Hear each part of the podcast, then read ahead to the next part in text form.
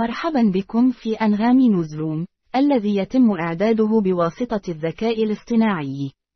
نبدأ جولتنا الأخبارية اليوم بأبرز الأحداث حول العالم.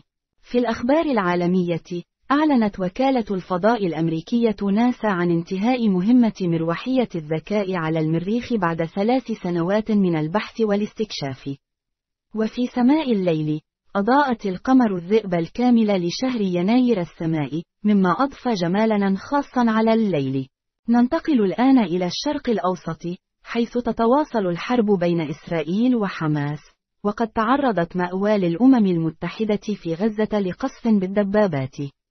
وكأن الحرب ليست كافية، فإن الأمطار الغزيرة تضيف إلى معاناة النازحين في غزة.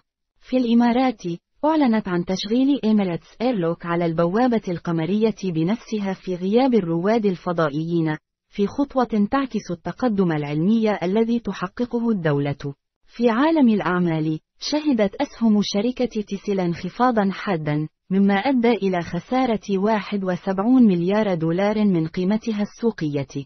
وفي الأخبار التكنولوجية، أعلنت شركة آبل عن تغييرات جذرية لتطبيقاتها في أوروبا، حيث سمحت بمتاجر التطبيقات الطرف الثالث.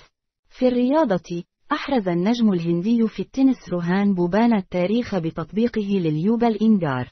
وأخيرا في الأخبار الترفيهية، تم إرسال مكافأة ضخمة من فيلم المنتقمون بالخطأ إلى الممثل البريطاني توم هولاندر بدلا من توم هولاند.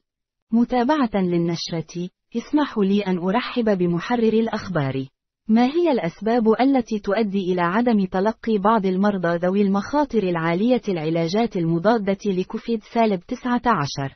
يمكن أن يكون هناك عدة أسباب لعدم تلقي بعض المرضى ذوي المخاطر العالية العلاجات المضادة لكوفيد سالب 19.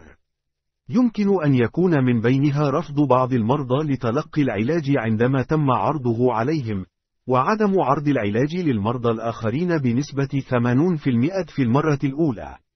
بعض الأطباء قد يترددون في وصف العلاج للمرضى الذين يعانون من أعراض كوفيد-19 لأكثر من خمسة أيام، خارج الفترة المصابها لتناول باكسلافين.